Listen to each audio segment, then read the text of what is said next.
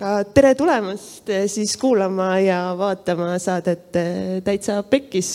ja meie siis Täitsa Pekkis saates me räägime erinevate põnevate, ägedate, inspireerivate inimestega nende eludest ja asjadest, mis lähevad siis elus pekki ja kuidas need siis pekki lähevad ja miks nad pekki lähevad ja kuidas siis kõigest võitjana välja tulla. mina olen Katrin Hindrikus-Karu.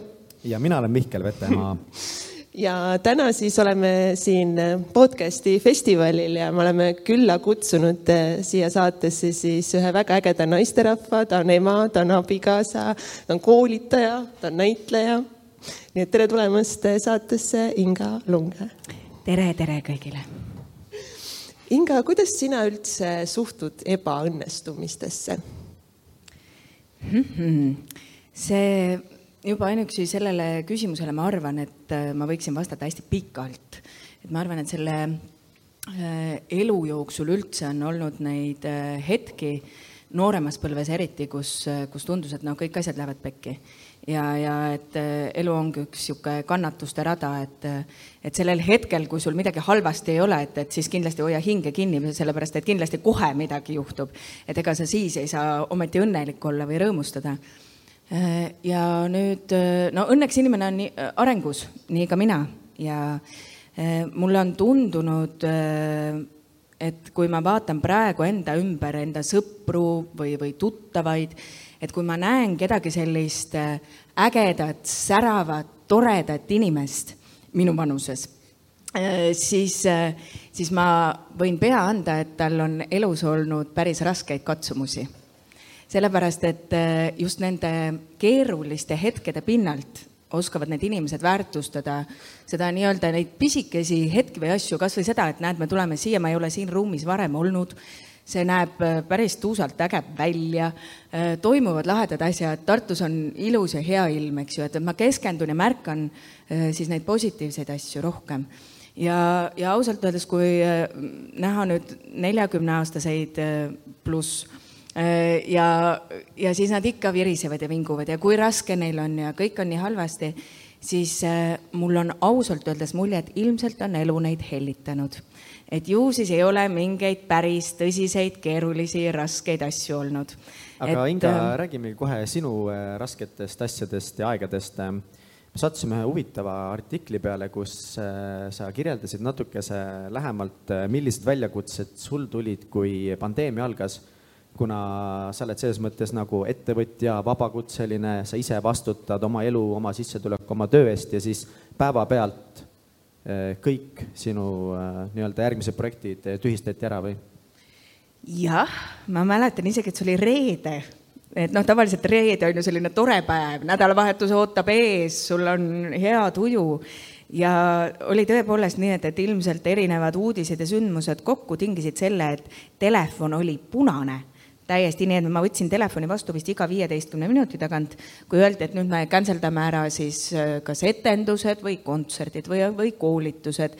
ja niimoodi tühjenes minu kalender järgneva siis paari kuu äh, lõikes ja ehmatas ikka ära küll, sest oleks siis ainult mina üksinda, aga mul on mhm. kodus lapsed ka et äh, noh, küll ma ise midagi mõtleksin välja või võib-olla saan hakkama, et küll ma sealt jõest saan selle kala kätte, eks ju aga nagu kergelt hirmus hakkas küll. Ja midagi ei ole teha, ehk siis äh, sellisel äärmuslikul hetkel mina olen küll vaadanud, minu, mina lähen täiesti pähe ära, ehk siis mõtted hakkavad ketrama, sul on, äh, pea on nagu tsentrifuugis Äh, sa ainult mõtled, et mismoodi nüüd sellest olukorrast välja tulla, ei, kõik ongi pekkis äh, ja, ja läheb ainult hullemaks, ühesõnaga ma suren välja ja, ja mu lapsed surevad nälga ja, ja noh, Toomasel ei olnud ka ühtegi tööd, eks ju, et. tema asjad ka kõik tühistati ära. ja, ehk siis olukord on katastroofiline, sa pead olema kodus Äh, siis äh, oma lastega luku taga ka neid õpetama, eks ju, et kust leida nüüd seda väljapääsu ja see tundus kuidagi nagu ilmvõimatu olukord. ma arvan, et sellest ei saanud aru need inimesed, kellel on äh, kellast kellani töö ja kes ikkagi said oma tööd teha või said kodus teha oma tööd mm. -hmm. ma ei saanud mitte midagi, mitte midagi ei ole teha. ja kui ma nüüd tagantjärgi mõtlen, siis ma arvan, et see oli umbes kolm päeva Äh, kus see asi ketras ikkagi nagu nii hulluks, et ma mäletan, kus ma seisan akna juures, vaatan aknast välja ja ma ei näe, ma ei näe ühtegi lahendust. ja, ja kõik hirmsad mõtted, mis jõuavad tulla. mis mõtted su peast läbi käisid, millised need hirmsad mõtted ausalt öeldes seal ongi see, et, et sa ei saagi üheltki mõttelt ka lõpuks sabast kinni, sest see ongi nagu selline tsentrifuugisüsteem, et sa lihtsalt ajad ennast hulluks sa, sa mõtled, et noh, et, et kui kauaks sul jätkub seda toitu, mis sul seal kodus kappides on, eks ole, on ju, et, et kui, kui kaua sa pead selle rahaga hakkama saama, mis sul olemas on. ja, ja kahjuks ei ole meil Hollywood, mul ei ole miljoneid seal pangaarvel, et, et mida siis varuks võtta, et me ikkagi elame ju ühest tööst järgmise tööni, et mul ei ole kusagilt, ei tule enam mitte midagi peale, ei tule ühtegi raha. ja ja siis vot selles punktis tegelikult oli mulle abiks seesama, mis ma teen, et ma tegelikult ju koolitan, ma olen ise hästi palju uurinud selle kohta, et mismoodi see meie keha töötab, mismoodi see meie aju töötab, et ennast just sellistel rasketel hetkedel aidata ja siis ma sain aru, et nüüd ei ole midagi, et nüüd, nüüd ei, ei ole sellest kasu, et ma ennast sinna hulluks mõtlen. täpselt samamoodi, nii nagu praegu, kui tuli see sõjaaeg, eks ju, et, et hästi paljud äh, läksid selles mõttes errorisse, et sa lähedki sinna pähe, sa ketrad muudkui neid hirmsaid mõtteid, aga mis siis, kui ja nii edasi, kõik äh, hullud stsenaariumid äh,.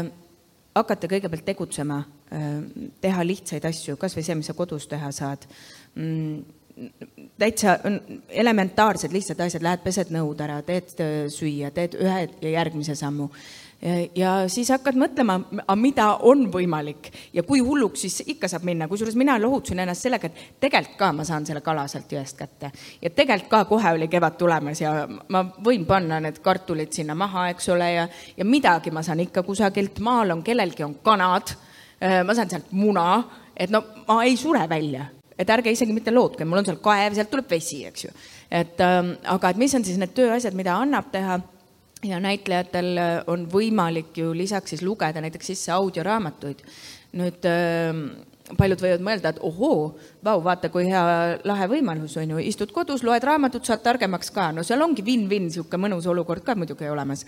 aga see raha, mis sa selle eest saad, on nii olematult väike see, see on lihtsalt uskumatult väike. noh, ma näitena võin tuua, et äh, millal siis üldse ema, äh, kes siis, ma õpetasin oma väiksemat last ka kodus, on ju, siis aitad suuremat, äh, teed veel söögid, koristad, ehk siis päev otsa sa tegeled nende koduste asjadega ja siis ei saa kodus ka salvestada, kuigi meil on salvestustehnika olemas, sellepärast et meil on puumaja Karlovas, keegi laseb teisel korrusel vett või läheb vetsu, siis see on kosta sa ei saa sellel hetkel salvestada, see ei ole võimalik. niisiis ma ootasin nii kaua, kuni lapsed läksid magama. ja siis, kui silmad on juba grillis ja sa oled ise täiesti väsinud, siis hakkasin lugema neid tekste sisse. ja niimoodi, et kui ma nüüd nädal aega niimoodi öösiti lugesin, nii et, et lähed lõpuks magamiseks kell kaks öösel, siis kui oled jõudnud mõned peatükid seal ära lugeda, diktsioon ei ole enam nii hea, õhtu on, sa oled väsinud, sa teed ja siis sa selle nädala aja jooksul saad kirjutada arve no see on ikka tõsiselt, sa oled rüganud, on ju, öösiti saja viiekümnele eurole.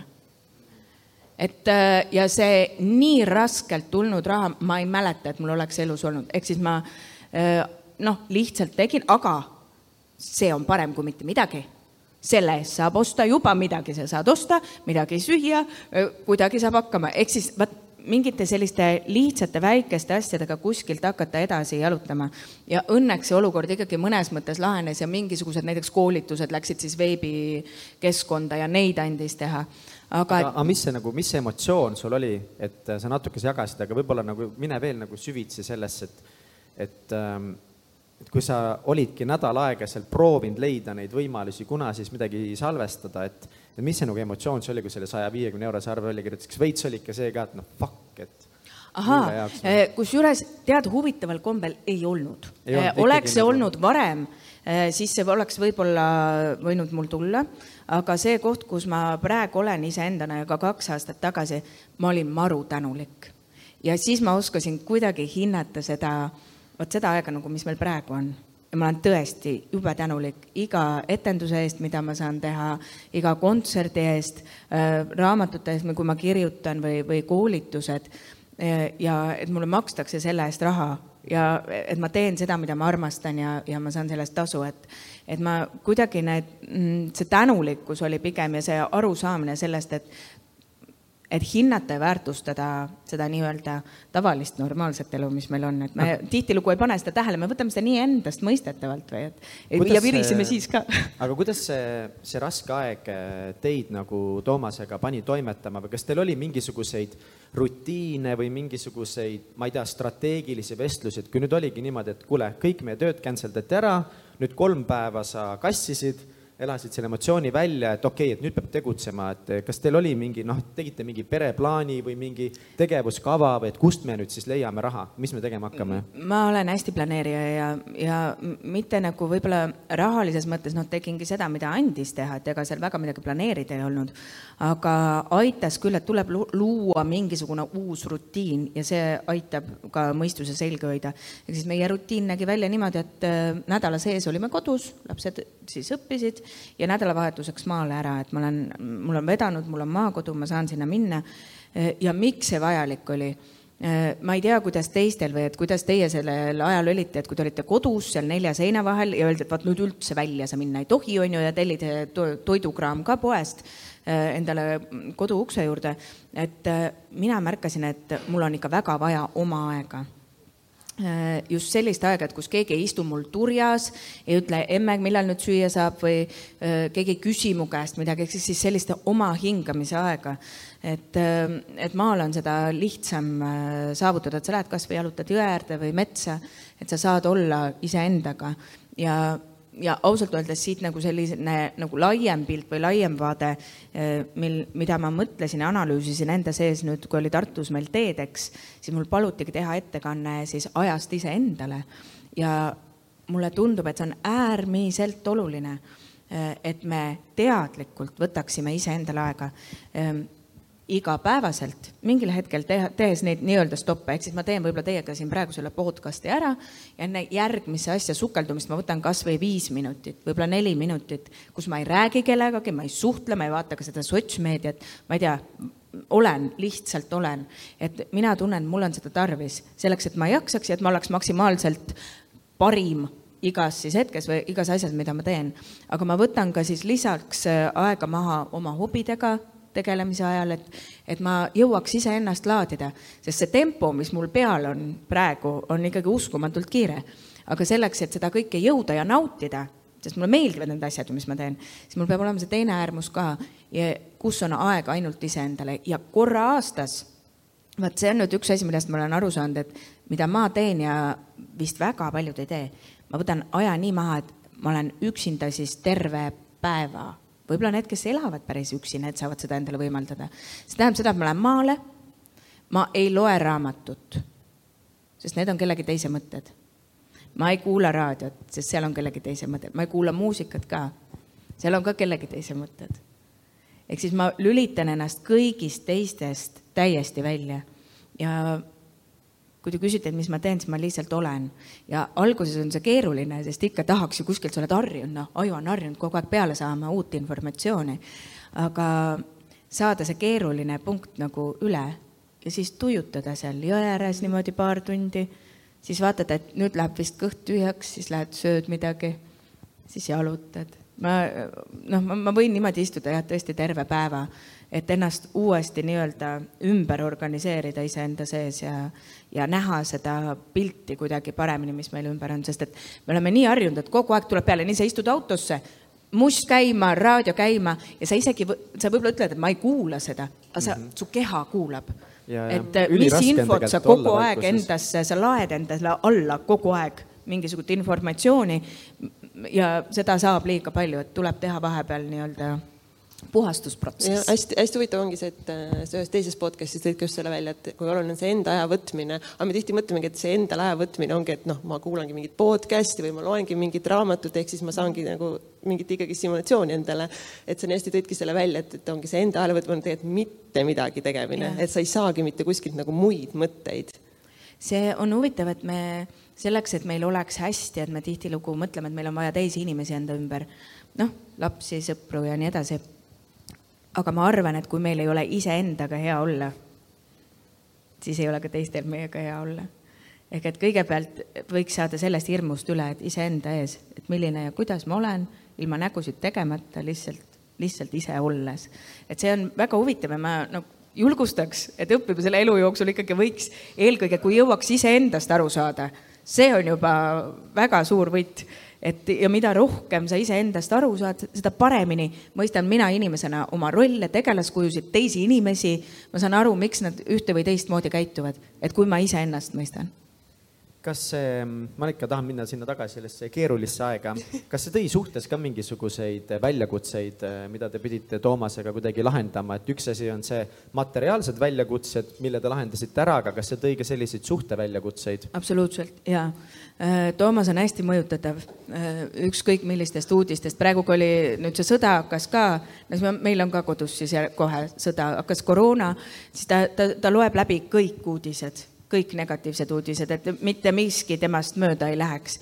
ja niimoodi on päris keeruline eh, olla kodus, kui ühel on selline suur must murepilv ja, ja ega, ega noh, ta ei loe seda üksi, ta ju annab mulle ka teada, isegi kui ma ei soovi eh, kõigest sellest osaline olla.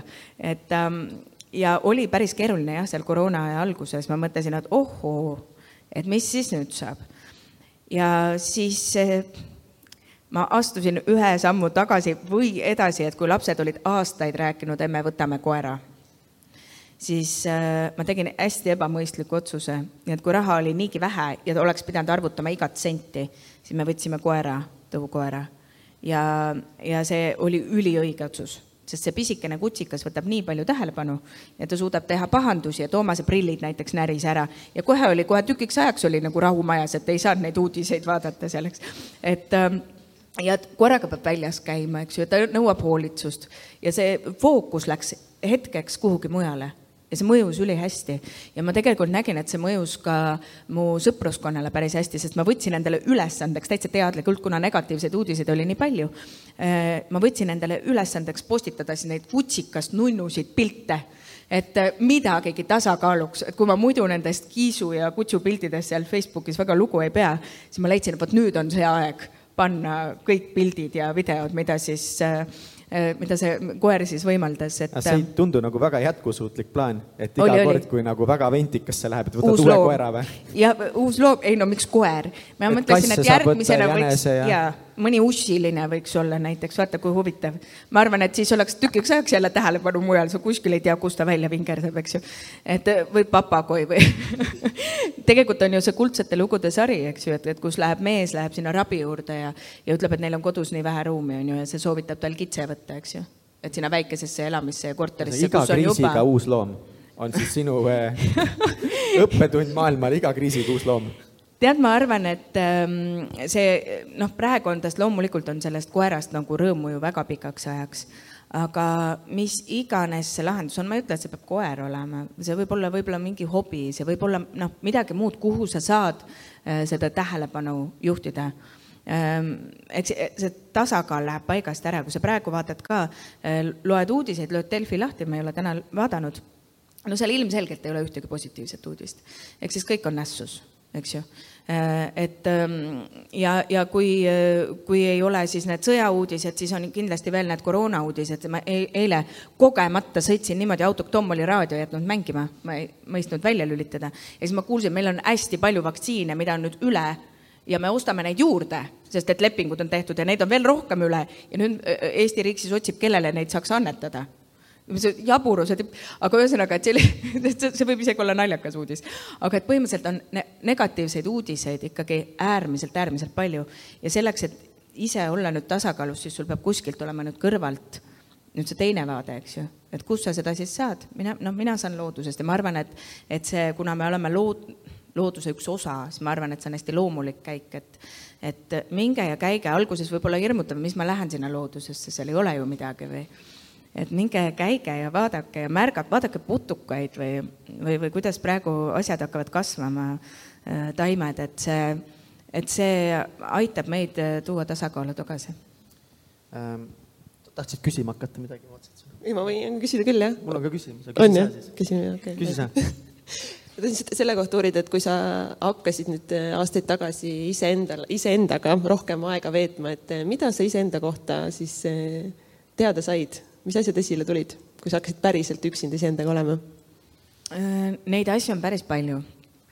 Ähm, ma, ma arvan, et see on kõige hirmsam asi iseendale peeglis otsa vaadata.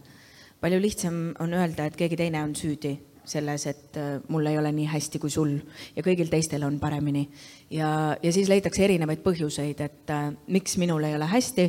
no see on ilmselt sellepärast, et mulle sattus selline mees, eks ju, ja, ja, ja teistel on, vot näed, normaalsed partnerid, aga mul on selline või et võib-olla ma olen õnnetu sellepärast, et mul on liiga vähe raha või et mul ei ole seda Lamborghinit või, või, või et äh, ma ei tea, mu töö eest makstakse vähe raha.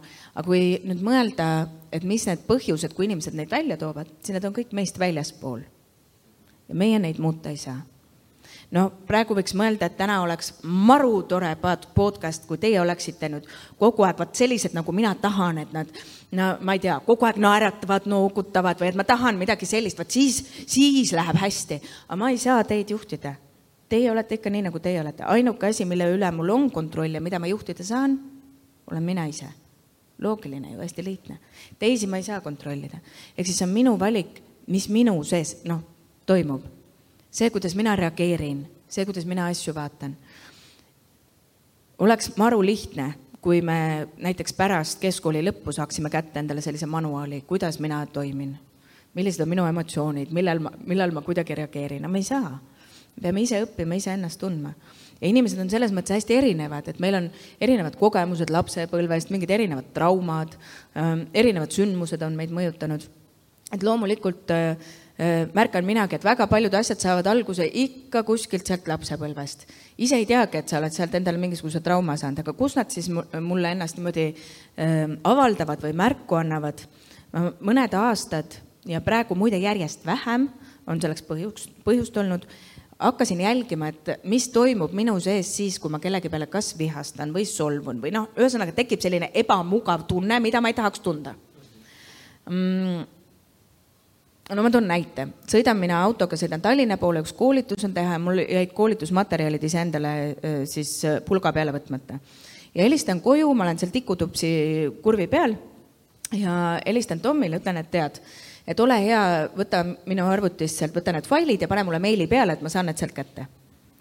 nii, ja ise olen selline asjalik. Tom teeb mingisuguse oh-oh-oo, kuule, ta kuulis mingit nalja, mingit anekdooti, hakkab mulle seda rääkima ma mõtlesin nagu, et millest aru ei saanud, et ma olen asjalik praegu, ma lähen koolitust tegema, eks ju, et palun võta need materjalid, pane mulle meili peale, et mis siin keerulist saab olla.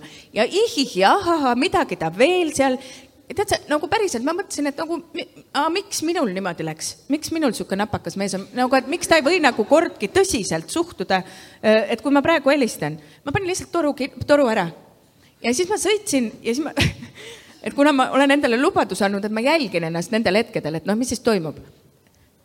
ja ma saan aru, et siin ei ole teisipidi mõtlemist. Toomas on lollakas ja mina olen normaalne. ja ma sõidan ja ma ei saa aru, et see olukord saaks üldse teistsugune ollagi. ja tähendab, mis siis juhtub, meie aju läheb punasesse, eks ju. on alarm, alarmseis ja sa ei näegi tervikpilti või suuremat pilti. aga umbes, no ma vaatasin umbes kümne, noh, kaheteist minuti pärast rahunes see aju maha. siis tekkis kerge võimalus, et äkki on viga kuskil minus ka. et äkki, äkki ma reageerisin üle, võib-olla. sellepärast, et noh, iseenesest, kui sa mõtled tikutopsist Tallinnani, on veel küllaltki pikk maa minna. et ta jõuab saata need failid igal juhul, et midagi ei juhtu ja noh, et, et kui ta tegi nalja, et võib-olla ta tahtis lihtsalt mu tuju tõsta, et nägi, et ma olen kuidagi maru stressis või, või kuidagi ja siis hakkasin mõtlema, et aga mis see siis on siis minu sees, mis mul siis juhtus? noh, et, et ta, ta kuidagi ei võta mind tõsiselt. aga miks mul üldse peaks olema tähtis, et see Toomas Lunge mind tõsiselt võtab? miks see peaks mulle oluline olema? et ma ise tean ju, mis ma teen ja ma tean, et ma teen oma koolitusi hästi. Ehm, et mul ei ole, noh, tegelikult ei ole ju seda vaja. et kust see nüüd tuleb ja siis hakka, ja siis ei ole see mugav koht, sest sa saad ise aru, et äh, mul on mingi jama siin sees kuskil, jah aga no õnneks pikk tee ja siis aega on niimoodi vaadata enda sisse. ja sain aru küll, et kuskilt lapsepõlvest on need hetked olnud, et kus sa ei ole võib-olla nii tähtis või oluline või et ah, mis sina ka räägid või. Äh, ja jõuad sinna ja tegelikult, mis äh, ma olen tähele pannud, mis on huvitav, et kui sa selle olukorra ära lahendad iseenda jaoks ja saad aru, no muidugi helistasin tagasi, vabandasin viisakalt et äh, kui sa selle ühe korra ära lahendad siis ta ei tule teist korda samal kujul tagasi. et midagi sa oled enda sees ümber organiseerinud ja aru saanud ja ta ei, ei ilmu uuesti see hetk. ehk siis, mis ma olen nüüd teinud aastaid-aastaid, sellistel hetkedel, kui ma ei tea, tuleb sõber Märt ja solvab mind millegagi ja ma hullult solvun, siis tegelikult solvun ju mina. see, kui Märt käitub napakalt, see on tema probleem. see, kuidas mina ennast tunnen, see on ju minu asi, minu juhtida. ehk siis ma solvun ainult sellisel juhul ju, kui see päriselt mind kuidagi saab üldse riivata. kui see on mingisugune täitsa napakas asi, mis ta ütleb siis see ei jõua ju mulle kohale, siis ma vaatan lihtsalt, et mis tal hakkas. et, ähm, et, äh, et tegelikult siit saab kõik alguse, et ma jälgin hästi seda, et mis minu sees toimub ja miks ma seda teen, on lihtsalt sellepärast, et ausalt öeldes on niimoodi samm-sammu haaval palju toredam elada ja mõnusam olla. Et kui sul on hea ja kerge olla ja sa saad aru, kuidas sa toimid, kuidas sa reageerid ja, ja te, sa saad teistest paremini ka aru, et kui sa näed, et keegi seal kuskil plahvatab, no siis tal on mingi oma teema, noh et see ei ole alati sinus mm. -hmm. räägime ühest teisest väga raskest ähm, väljakutsest või ajast sinu elus, kui äh, üks lähedane inimene äh, suri, kui sinu vanaema lahkus mm. -hmm. sa ütlesid, et see oli sinu jaoks ka nagu väga pikka aega, väga keeruline aeg, kuidas see mõjutas sind ja, ja räägi sellest lähemalt mm see sattus sellisesse aega, et ma öö, lõpetasin keskkooli nüüd, kui tuletame kõik meelde, see kaheteistkümnes klass, kui sul kõik need eksamid ootavad ees. Äh, kõik ja... küsivad iga nädal, et mm -hmm. kuhu sa siis ülikooli lähed, mis erialale sa lähed. ma mäletan, ma vihkasin nii seda, seda küsimust tuli kogu mm -hmm. aeg. ehk siis sa oled niigi, sul on niisugused keerulised äh, ajad elus mm minu meelest mul oli just umbes sarnasesse perioodi langes ka see, et, et ma noh, ikkagi need esimesed suhted on ju ja mingi mm, õnnetu armastuse värk, et olin just niimoodi lahku läinud ja siis vanaema, kes juba aasta-poolteist elas meie juures, tal olid neerud läbi. Ehm, ja, ja siis oligi, läks see tervis ikkagi nii halvaks, et ta oli mõnda aega oli haiglas, aga siis lahkus sinna taevastele radadele nii et, et edasi on minu jaoks kõik suhteliselt udus, ma ei tea, kuidas ma tegin ära eksamid, aga noh, ilmselt tegin, sest et kuidagi kõik edasi läks.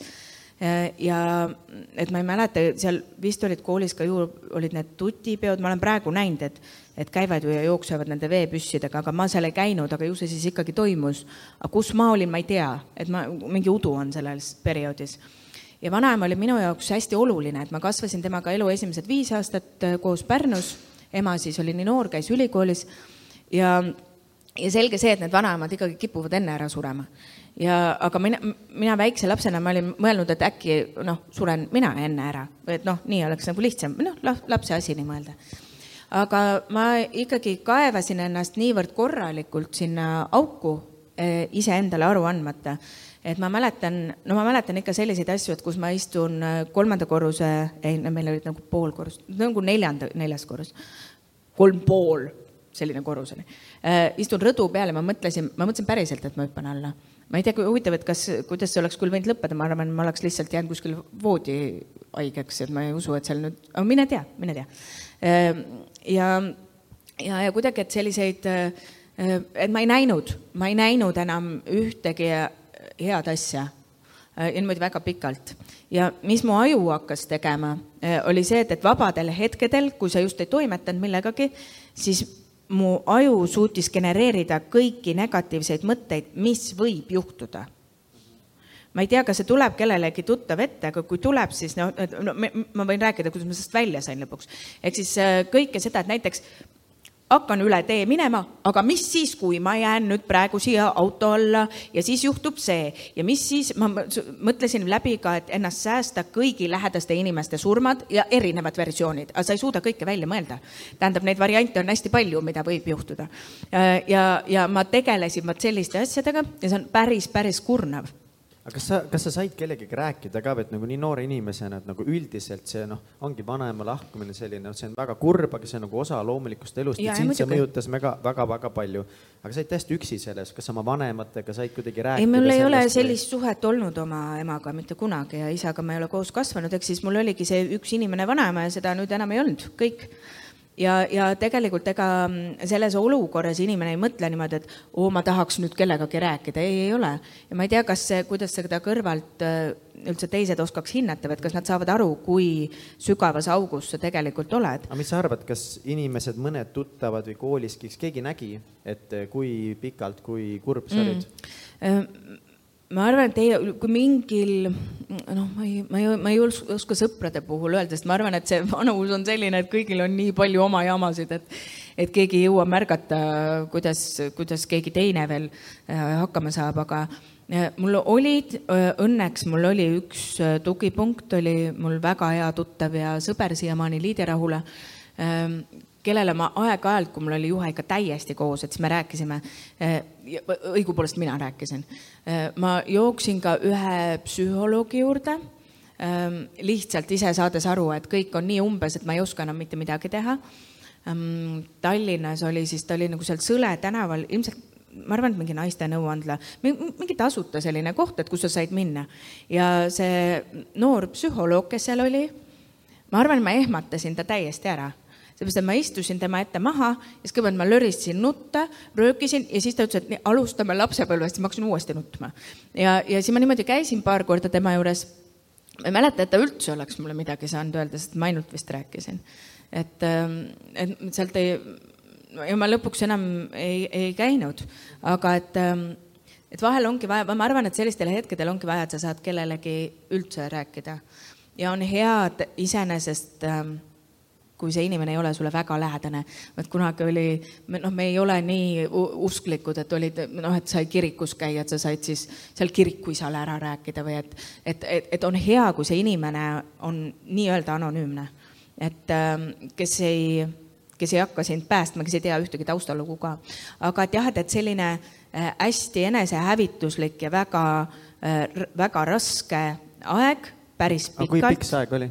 ma, no ma ei tea, ma arvan, et ma ikkagi praegu olen nüüd selle protsessi ikkagi ära lõpetanud, no ma, ma ütleks, kõige keerulisem oli, ütleme, kaks-kolm aastat.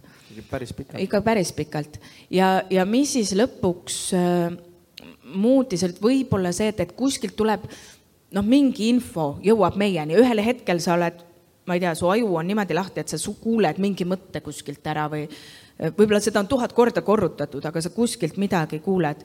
ma lugesin ühte, ühte raamatut, mis, millest on nüüd tulnud ka kordustrükk. vana pealkirjaga ta oli Sinu aju. Ingliskeelne pealkiri oli Buddha's brain, the practical neuroscience of happiness, love and wisdom. ja praegune trükk, mis on välja tulnud mingi poolteist aastat, kaks tagasi, ongi siis Buddha aju. ja seal on siis kokku pandud äh, ajuteadlaste uuringud äh, siis sellise budistliku õnneliku maailmakäsitlusena. ja ausalt öeldes see, et ma lugesin ja sain aru, mismoodi meie aju, noh, see raamat on ikkagi küllaltki vana, et neid äh, neuroteadus areneb nii tohutu kiirusega, aga et sa saad aru, miks sinu ajule kõik see negatiivne meeldib. ja et see on nagu niisugune, et ma olen selle kontrolli andnud käest ära ja seda juhtub meie pal-, me, me, meist paljudega. meie aju ongi orienteeritud negatiivsele, selle jaoks, et me elus püsiksime. et kui me läheme näiteks ajas nii palju tagasi, et kujutame ette, et me oleme kuskil seal koopaaias äh, ja sa tuled koopast välja no ütleme, et koopast tuleb välja selline üdini, noh, märkab ainult positiivseid asju, ütleme selline Toomas Lunge tüüp ja paila-paila ja vaatab banaan ja jookseb sinna banaani poole, siis vot tema ei oleks ellu jäänud seal koopaaias. miks? Sest et ta ei märka sealt äh, põõsast tulevat lõvi äh, või kedagi ohtlikku, kes tuleb nuiaga ja võib ta maha lüüa. ellu jäid need tol kaugel ajal, kes suutsid kõigepealt märgata negatiivset, eks ju. niisiis, meie oleme nende järeltulijad ja meie aju on niimoodi ehitatud, sellest on muidugi meedia aru saanud, seesama, mis ma just rääkisin hetk tagasi, et, et sa lähed Delfisse ja seal on ainult negatiivsed uudised, sest et te klikite sellepärast, et teie vajutate sinna peale, et te jumala eest ühestki negatiivsest uudisest, sest see on ellujäämise seisukohalt oluline. aga nüüd, kui me tuleme siia praegusesse aega, kas need on kõik eluohtlikud asjad ja kas nendele on tarvis nii palju jõudu anda? on võimalik oma aju ja iseennast nii-öelda juhtida ja reorganiseerida seda, mismoodi ja kuhu su mõtted lähevad ja kus on sinu fookus. see on võimalik, ma olen selle läbi teinud. aga sa hakkasid ise seda reaalselt praktiseerima yeah. või mida sa siis nagu reaalselt tegid, mida sa ma, muutsid? ma tegin niimoodi, ma võin nagu öelda, mida ma tegin, ma ei, seda ei, vot tõesti, ma, kui ma olin selle raamatu läbi lugenud, ega seal ei olnud ühtegi manuaali, tee nii. aga et iga kord, no eriti negatiivsed mõtted tulid siis, kui ma enne magama minekut, noh, siis ma jõudsin ka mõelda kõik halvad stsenaariumid läbi no mis võivad tulla ja et juhtuda.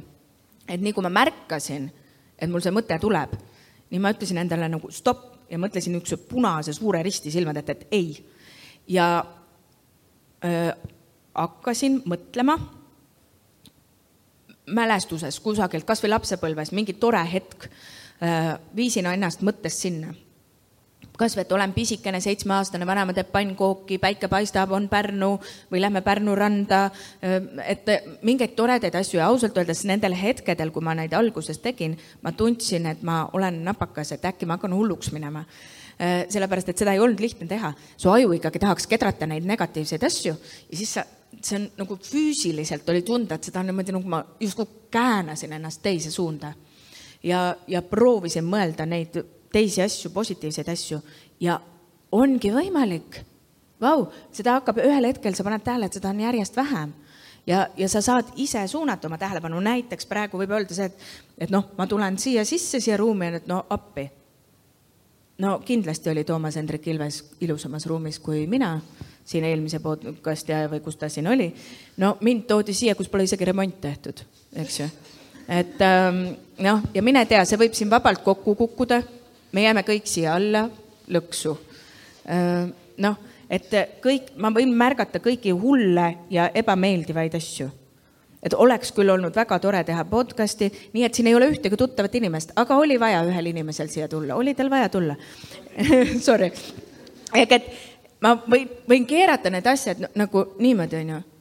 või siis ma võtan ja kuna mu aju ongi, ma, liiguvad juba teistmoodi need mõtted ja tähelepanu siis ma märkan kuidagi ülilahedaid asju, seda, et issand, kui kihvt, et esiteks, kõigepealt nad saatsid mulle vale telefoninumbri, Inga, kui sa kohale jõuad, helista meile. ma helistan, võtab vastu üks härra. et äh, tere ja ma ütlesin nii, et siin nüüd Inga Lunge, et ma jõudsin teile nüüd siia hoovi peale. ahah, äh, et, äh, et kuhu ma tulen see vist ei ole oh, see number. kuhu ma tulen? nii, ja mul juba naljakas, et noh, ma ei tea ka, kellele härrale ma ütlesin, et ma tal nüüd õue peal olen seal või kas ta vaatas aknast välja oh,. Oh. ja siis ma mõtlesin, et ma ei tea ju, et see on nii suur, ma tõesti ei tea, kus siin need saalid on ja hopsti tuleb mul sõber Märt ja, ja kes on kohe heas tujus ja kallistab ja ta oskabki mind juhatada ja, ja kõik asjad ongi toredasti ja ilm on äge ja, ja kuidagi. kindlasti oli sellel mehel ka hea meel, et Inga Lung helistas talle jah, pärast räägib.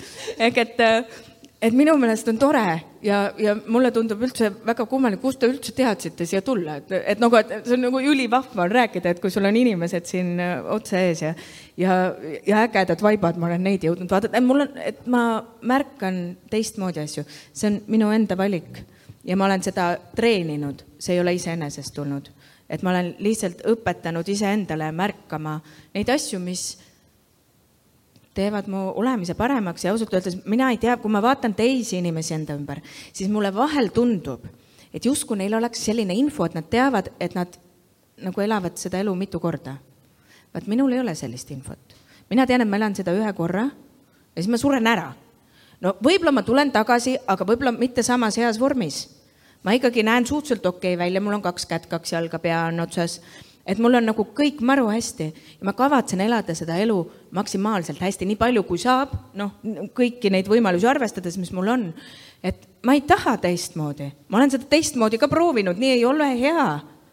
ärge tehke endale nii, et, et kui ma ühes kohas, siin oli aasta aasta tagasi haaras ähm, Õhtuleht, ausalt öeldes Anu Saagim, ta ise tunnistas üles, et tema oli süüdi, võttis ühe pealkirja kuskil, kus ma olin ütelnud, et, et tehke rohkem seda, mis te teha tahate või et ma teen ainult seda, mis ma teha tahan või, või no mingi niisugune lause kontekstist väljas.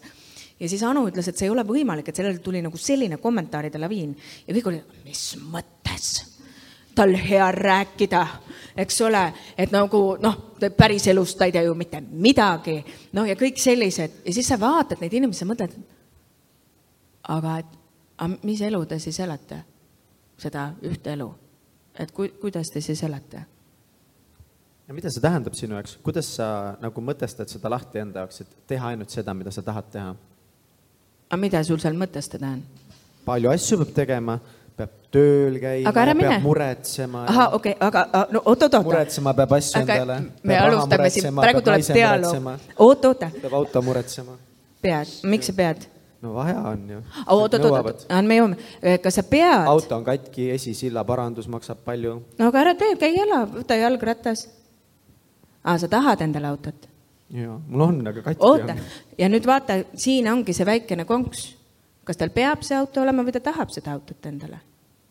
Kas ta peab selle ära tee korda ähm,? mida ma nüüd selle all mõtlen ja see on nüüd üks teema, mida tegelikult psühholoogid äh, räägivad, aga tihtilugu niimoodi mööda minnes ja see päriselt ei olnud mulle kohale jõudnud, kuigi ma ka õppisin psühholoogiat alguses enne näitlejaõpet äh, mul ühe korra elus on olnud selline hetk, kus ma päriselt sain aru, et on heureka, et noh, mulle nüüd kukkuski nagu äh, kunagi ammu ühele kuulsale mehele õun pähe, et ma sain millestki aru. Ja see oli see, kui äh, ma tundsin, et no see ei ole aus, kõike pean mina tegema. no naistele see tuleb ilmselt tuttav ette sa pead äh, pesu ära pesema, sa pead äh, süüa tegema, sa pead lapse tooma sealt lasteaiast ja siis sa pead temaga õppima. noh, kõiki asju peab tegema ja oligi üks selline õhtu, kus neid asju, mida ma pidin tegema, oli lihtsalt nii retsilt palju ja ma tundsin, see ei ole aus. tähendab, minu vanaema on nii elanud, minu ema on niimoodi elanud ja ma olen sama reha otsas et see vana lunge ei saa isegi oma sokke sinna musta pesukasti, mina pean need ka ära sinna tassima nii, ja ma istusin üks õhtu maha ja mõtlesin, et see ei ole, nii, see ei ole aus, ma ei tee mitte midagi. minge kuu peale, vaadake ise, kuidas te saate. ja siis käiski mu sees see krõks ära. kell oli pool kuus, kuuest panevad lasteaia kinni. ja ma sain hirmuga aru, see on väga õudne arusaamine, et ma ei pea minema oma lapsele lasteaeda järgi. jätsidki sinna ta või? meil on sotsiaalsüsteem, et tegelikult on see võimalus olemas et äh, tulevad, äh, algul kasvataja viib ilmselt oma koju, siis tulevad äh, sotstöötajad, võib-olla ma pean mingi paberi täitma, et antakse kasuperre kuhugi. et ja ma sain hirmuga aru, et ma ei pea. aga ma väga tahan. et ma ei taha, et ta läheb kuhugi mujale ja ma ei taha, et ta jääb viimaseks sinna lasterühma. Et ma tahan minna ja ma sain aru, et oota, aga ülesanne on seesama, aga ma väga tahan minna ja ma tundsin, et oot-oot-oot, ma nüüd praegu hakkan minema, et ei jääks sinna üksinda, eks ju. ja hakkasin jälgima sealtmaalt, sellest on nüüd, Noora oli siis kahene, ta just sai nüüd kümme ehk siis kaheksa aastat. ja ma olen nüüd jälginud ennast ja praktiseerinud, et see, see on üks äh, võlukonks. kui palju me ütleme endale peas, pean ülesandeid, kuigi nad tegelikult ei ole pean ülesanded aga mis peaneülesannetega juhtub, meil on lapsepõlvest peale see peaneülesanne on kellelegi teisele tähtis. see on tähtis, ma ei tea, sa õpid sellepärast, et noh, ma ei tea, õpetaja tahab, sa pead seda tegema, sa pead oma toa ära korraldama, sa pead, pead, pead, pead. ja see energia läheb kellelegi teisele, see jõud läheb teisele, see, see pole sulle tähtis, see on kellelegi teisele tähtis. ja tahane ülesanne on see, mida sina tahad teha. ja siit tuleb sulle jõud. et sa teed ja sa saad nagu energiat tagasi, jah ehk siis äh, vahel õhtuti võib olla nii, et sa tunned, et ah oh,, kõike peab tegema. siis keha ammu juba karjub sulle, ta tahab magada. sa ei lähe magama, sa ei kuula iseennast, onju. et teha neid asju selle tahan energia pinnalt ja kontrollida ennast kogu aeg. et kas on niimoodi, et kui me praegu siin näiteks lõpetame mingi kell nüüd selle jutuajamise, mis on juba ülivarsti, siis kui te mõtlete oma peas, et sa pead minema pärast koju või et sa pead minema kuhugi ma ütleks, ära mine. lihtsalt hakka endale stopp ütlema, mina ei tea, istu siin edasi. ühel hetkel hakkab külm, läheb kõht tühjaks, ma ei tea, väga tahad koju minna, vot siis lähed. ehk siis jälgi iseenda, enda sees ja ära lase endal teha neid pean üles, ütle endale stopp, et oota, vaatame järgi. et kas see tegelikult, kas seda on võimalik teha, kas see on tahan pinnalt võimalik teha. ja vahel on nii, et, et mõni asi lükkub, lükkub, lükkub ja ma tean, et noh, ma ütlen endale, et tuleb mingi asi ära teha, onju, et jõuda sinnani, kus ma tahan.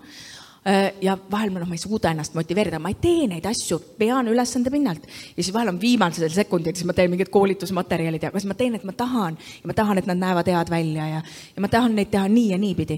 või siis näiteks täna meil on siin podcast, me lepime kokku, te kutsute mind siia.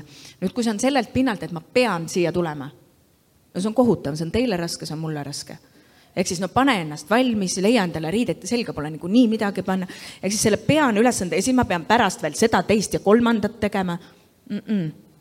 ma tulen sellepärast, et ma tahan ja siis ma mõtlen ka läbi, et kui ma ütlen teile jah, siis ma tean, miks ma tahan. ja see on see üks põhjus, näiteks seesama, millest ma praegu rääkisin, et, et võib-olla on kellegi ajus praegu see pragu, et tuleb see mõte läbi.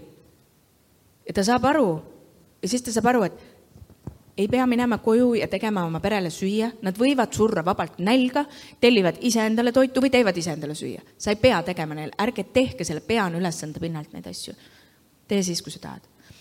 Ma arvasin, et mõned ülesanded on võima, võimatu ümber keerata ja üks nendest on koristamine, eriti suvel. et no mina ei ole selline, et et muudkui jõuan käia, siis maakodus on kõik korras ja linnakodus, no ei ole võimalik ja ma mõtlesin, et see on ikkagi asi, mida peab tegema, eriti kui sul on lapsed ka, on ju, et, ähm, et peab koristama. ma jälgisin ja ma ei lasknud enna, endal koristada. et noh, pean, on ju. ma panin tähele, et see sõltub tolmurullide kogusest. ühel hetkel on nii õudne olla lihtsalt nii must on, et sa väga tahad koristada. et see, teised võivad sind tagasi hoida aga sa tahad ja siis sa teed ja siis ma sain aru teisest asjast, et Toomasel pole selleks hetkeks see tahan veel tulnud, et tema pärast võib see kõik olla veel paar aastat niimoodi aga kas see on, aga on see hea strateegia või selles mõttes, et ülihea. et selle strateegia põhjal sa elad ikka nagu enamus ajast nüüd suure sita keskel? ei ole, sellepärast et mul Tahab, tuleb see päris või? kiiresti, mul, ma tegelikult tahan, et mu ümber on kord ja mulle meeldib see. et mulle meeldib, kui ma ikkagi näen aknast välja ja need aknad on ära pestud ja ma, ma, mulle meeldib, et mul on puhtad riided seljas. ja ma tunnen ennast paremini, et ma ei pea minema duši alla ma lähen ikkagi sellepärast, et ma nagu veits nagu parem olla, et nagu vaata ei sügele ja ei ole nagu. aga mis, aga mida see muudab sinu elus või mis see siis lõpuks annab sulle, kui sa mõtestad need asjad ümber, et, et sa tahad, mitte et sa pead äh,? ausalt öeldes, kui, kui vaat sa küsid, et mis muudab, mult on küsitud seda, et noh, et, et, et, et äkki jäävad mingid asjad tegemata, ma ütleks, et vastupidi, et ma jõuan rohkem et energiat on mul ja jõudu on rohkem. ja nii, kui ma märkan mõne ülesande puhul, et tähendab, ma ma ei luba endal võttagi neid peanõulesandeid mm,. et ja kui ma tunnen, et mingi asi on jäänud kauaks ketrama ja ma olen mugavustsoonis ja näiteks, et ma pean minema pilvede all võttele aastaid tagasi ja see kordub. mitte üks kord, üks päev, aga ma tunnen, et see ongi asi, et ma pean seda tegema, sest et ma ei tea, muidu ma ei tea, mis selle sarjaga muidu juhtub ja siis võtta vastu see otsus, mitte kedagi teist solvates, vaid öelda, et mul sai nüüd otsa, et ma olen kuidagi selles punktis, ma pean ära lõpetama selle. et, äh, et kui sa ei ole enam tahanud, sest keegi teine tahab olla seal pilvede all sarjas, seal selles, selles, ta tahab ja ma istun selle koha peal enam ise ei taha ka, pead tegema. muidugi on hirmus teha neid otsuseid, aga et, et mis see muudab minu jaoks, on see, et tegelikult ma jõuan palju rohkem ma ei vaata nii palju kella, vaata tahan ülesannete puhul sa ei vaata. no ma ei pea salvestama uut plaati uue muusikaga. aga see, et kui sa teed juba seda, siis see ju on päris ajamahukas, sa tahad mõelda, kuidas see kujundus on, sa istud öösiti üleval, sa salvestad uuesti. kui see oleks asi, mida sa pead tegema ja sa loed kopikat iga minuti tagant, on ju, noh, see tulemus on, see on nõrk, aga inimesed teevad väga palju asju selle peani ülesande pinnalt. ja see, noh, see oleks asi, mil-, millega oleks, see on niisugune lihtne asi, millega on võimalik iseennast siis jälgida ja õpetada ennast, et tee siis, kui tahad ja tee hästi ja kui juba tahad, siis pühendu ja pane ikka täiega. aga kui kaua sul oli see mõte siis enda peas tegelikult, et pilvede all ei ole enam äh, see, mida sa täiega tahad teha? et kui ma jälgisin, ma noh, ma võtsin otsustamiseks aega üldsegi, et kui on sellised äh, suured otsused, et ma võtan aega, et ma ei teeks seda mingi emotsiooni pinnalt või sellepärast, et ma olen väsinud, on ju, et äkki ma teen, äkki see on väsimusest. et äh, ikkagi võtsin aega endale ja, ja et teha suurte otsuste puhul on meil hirmud. Äh, esiteks, sa oled selles mugavustsoonis, sul on hirm, aga mis saab edasi? Ähm, siis on hirm, et äkki Toomas Kirss armus, hammustab mul pea otsast ära, on ju, et ta saab mu peale nii vihaseks. teised kõik saavad vihaseks siis hirm, et aga mis siis edasi saab, sest mul ei olnud ühtegi teist alternatiivi kõrvaldada, mis siis saab mm,. et hirme on hästi palju. aga üks asi, mis ma ei ole lubanud endal teha, on siis, et ma ei, ma ei tohi minna iseendaga vastuollu. ehk siis, kui ma ikkagi tõsiselt nüüd tunnen, et on nii, siis noh, siis võtsin, värisesin, aga võtsin julguse kokku ja, ja rääkisin produtsendiga, ütlesin, et mul on tunne, et see aeg on ümber ja, ja mitte kedagi, noh, ma ei läinud kellegagi tülli, et noh, seda näitas ka nüüd see, et me praegu tegime neli osa nüüd uuesti, on ju, seda sarja. et, et, et lihtsalt olla iseenda vastu aus ja teiste vastu aus, sest muidu hakkab kannatama kogu, kogu terve süsteem ja kuidas sa töötad nende hirmudega, mis sa teed nendega, kas sa lihtsalt vaatad otsa neile ja et no fuck it on või sa kuidagi mõtled läbi need või leiad nendele mingid lahendused? hirmud on äh, nii põnevad ja kui sa nendega hakkad tegelema, siis järjest huvitavam sul hakkab. Neid hirme ikka on, muidugi on. Äh, minu meelest kõige parem äh, lause, mis ema mulle üldse on öelnud minu, minu siis lapsepõlve või noorusaja jooksul on see, et kui sa kardad, siis värise loogiline ja ma teen päris tihti asju, kus ma värisen. et mul on natukene õudne, aga see annab mulle märku, et ma lähen jällegi selle mugavustsoonist natukene väljapoole ja avardub see minu maailm, ma, ma näen rohkem, ma märkan rohkem. et, et ma teen vahel asju, mis natuke panevad nagu värisema. ja mul on huvitav, mulle meeldib ja need loomulikult, ma, ei ole selles mõttes, ma tean iseennast, et ma, ma ei tee väga eluohtlikke asju või et ma, mul on ikkagi mõistus on, on peas. Tsikliga sõit näiteks ei ole üldse eluohtlik, see on maru äge ja kooli alguses hirmus natuke värises, mõtlesin, nüüd nad mõtlevad, no keskea kriis, see võib ka vabalt olla, aga minu meelest see on üliäge, ma soovitan kõigile keskea kriisi, et kui see niimoodi tuleb, et sul on paat ja motikas nagu, et see on nagu väga lahe. Et, et teha asju ja mitte, mitte jääda sinna kinni nendesse raamidesse, et, et aa ei, noh, see sulle ei sobi või see, seda kindlasti mitte või katsetada ja vaadata. maailm on nii suur, me elame ühe korra, noh, võiks on, toredalt. mis on mingid äh, nagu kõige olulisemad põhimõtted või mingid õppetunnid, mis sa enda elus oled äh, kuidagi saanud või selgeks teinud, mida sa tahad oma lastele edasi anda? Neid on, ma kirjutasin ka umbes sarnasele asjale mõeldes raamatu. Ma kirjutan sulle, mille andis välja Tammer raamat just koroonaaja alguses. seal on osad need mõtted sees. üks võib-olla, kui sa praegu küsid, siis ma vastangi selle, mis, mis mulle e-, esmalt tundub justkui kõige olulisem mm,. inimsuhetes teistega ja me oleme sotsiaalsed loomad, me ikkagi puutume teiste inimestega kokku. püüda olla ja vaadata teisi ja suhelda teistega nii, et sa ei pea ennast paremaks ega ka halvemaks. ehk siis vaadata inimest äh, avatud pilguga, nii nagu ta on, et mitte vot nüüd tuli siin Ingalunga ja nüüd tema räägib, ei, ma olen siin koos teiega ja mitte pidada ka ennast kehvemaks. Et äh, ma ei tea, tuleb jalutab Toomas Hendrik Ilvesit äh, kusagilt vastu, et oi-oi-oi. Äh, et kui sa vaatad kas alt üles või ülevalt alla, siis sul on juba klapid silmade ees, et sa ei näe inimest päriselt. ja mul tõesti on huvitav ja inimestega on põnev, on huvitav näha inimesi, ka kes ei saa võib-olla endaga nii hästi hakkama, tal on huvitavad kogemused, on põnev neid jälgida et mitte ennast siis positsioneerida ei üles ega alla. See ei ole alati väga lihtne. et äh, mina tulen küll, ma mäletan juba väiksena kodus, et ikka arvustatakse teisi. vaadatakse seda presidendi vastuvõtu kätlemist ja no vaata, mis see endale selga on pannud. ja juba sa tõstad ennast ülespoole. kes sa oled, et ütled, eks ju. Äh, et see või et noh, näed, seal läheb üks neiu, et see on unustanud üldse seeliku selga panema, et onju.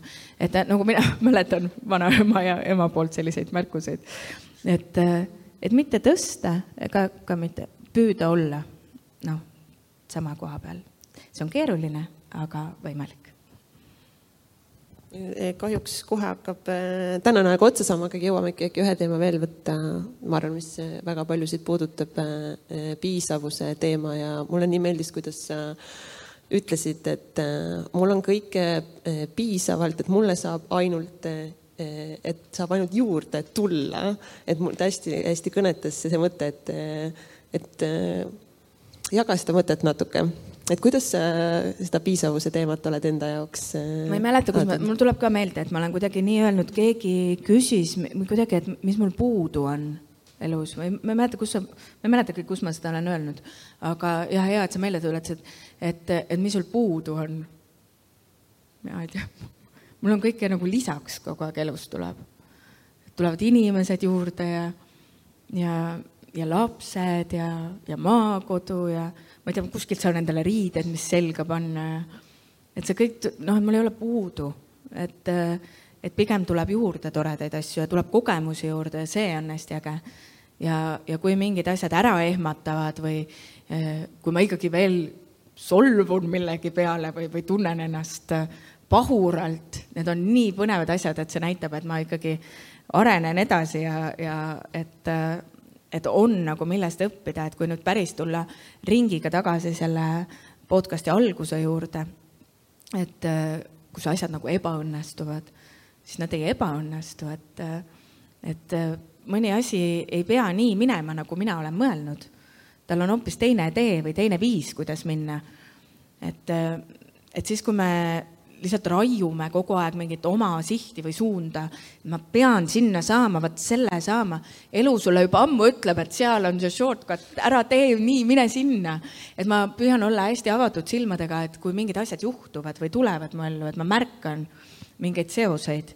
et kui sa oled hästi kindla sihiga ja rühid, et siis sa ei märka. mõni ütleb, et ei, näed, sinu elus juhtuvad mingid imelised asjad, ei ole, ma lihtsalt märkan neid ma näen, et teistel juhtuvad ka, aga nad ei märka, sest nad on nagu, raiuvad mingit oma asja.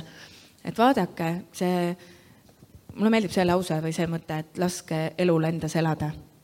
et ärge, ärge püüdke nii paaniliselt ise nagu roolida ja elada, et laske juhtuda ja kõik läheb väga hästi, väga lihtne, väga raske usaldada ennast nii kas äh, selle väga ilusa mõttega me tõmbamegi selle asja siin vaikselt kokku või? Jah, meil on veel paar minutit aega, et äh, kas kellelgi on saalist äkki mingi küsimus, mida ta soovite Inga käest küsida? selline tüüpiline eestlaste värk, vaata mm. keegi no,. ma panustan, et keegi ei küsi midagi, kui ma saaks panustada. ma ikka vahepeal olen, et äkki keegi midagi soovib küsida, kui on võimalus küsida, aga võib-olla siis äh, täna mitte sellega ma, ma lõpetan selle mõttega mm -hmm. ma ei lasegi teil küsida, sest ma tean, et teil kellelgi võis peas olla mõte, et äkki ma küsin. see on teile ja kõigile teistele ka, sest ma tean, et siin on osad, kes teevad veel podcast'e või esinevad. see on hästi tavaline, et küsitakse lõpus, kas teil on mingeid küsimusi. no mis, mis juhtub kuulaja ajus, on see, et kõigepealt tal läheb aega, et aru saada, et aa, sihukest asja küsiti. siis tal tuleb mingi mõte enda peas, mida ta tahaks küsida siis tal hakkab hirm, et appi, ma pean seda küsima, ta ei julge sellest üle saada. see läheb meeletult kaua aega tavalisel Eesti inimesel. noh, me peaks veel vahepeal nüüd rääkima kümme-viisteist minutit ja siis ta arglikult äkki tõstab selle käe. nii et, et see tavaline asi. kas teil on küsimusi? ei ole jah mm? -hmm. aga pärast kuskil nurga, siis tullakse ikkagi juurde ja, ja küsitakse. ja pärast jah, aega on natuke vaja, küll siis tuleb. absoluutselt, aga mm -hmm. aitäh, Inga, täna meie saatesse tulemast ja meiega enda väga ilusaid mõtteid jagamast, aitäh. aitäh, aitäh., aitäh kuulamast, vaatamast ja ah, üks Inga mainis seda raamatut Buda aju, siis lihtsalt reklaam, et miljon.ee saab seda raamatut endale soetada ja koodiga täitsa vekkis, saate kümme protsenti selle raamatuga siis eh, soodsamalt endale. ostke kõik, ostke sealt, kulutage raha. nii et eh, aitäh ka kõigile, kes eh, täna tulid siia meid kuulama ja ilusat õhtut kõigile, aitäh. aitäh, tšau.